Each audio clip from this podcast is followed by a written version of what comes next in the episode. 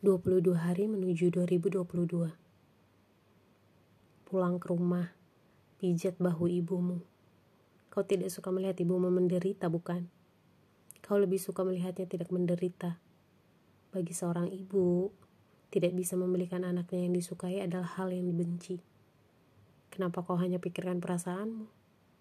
Kau tidak pikirkan perasaan ibumu. Pikiranmu yang tenang lebih penting bagimu bocah tidak dewasa. Mencintai seseorang bukan cuma soal perasaan ingin memberi mereka sesuatu, melainkan perasaan putus asa ingin memberikan mereka sesuatu. Kamu mencintai ibumu, bukan? Mencintai seseorang itu berat sekali. Mencintai seseorang bukan cuma berarti kau senang bisa ada di dekat mereka, tapi artinya kau mau menyesuaikan dirimu dengan mereka.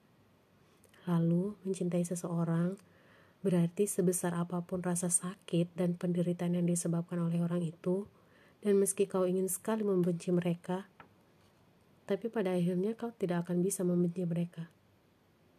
Mencintai seseorang bukan berarti kau tidak membenci mereka, melainkan kau tidak bisa membenci mereka.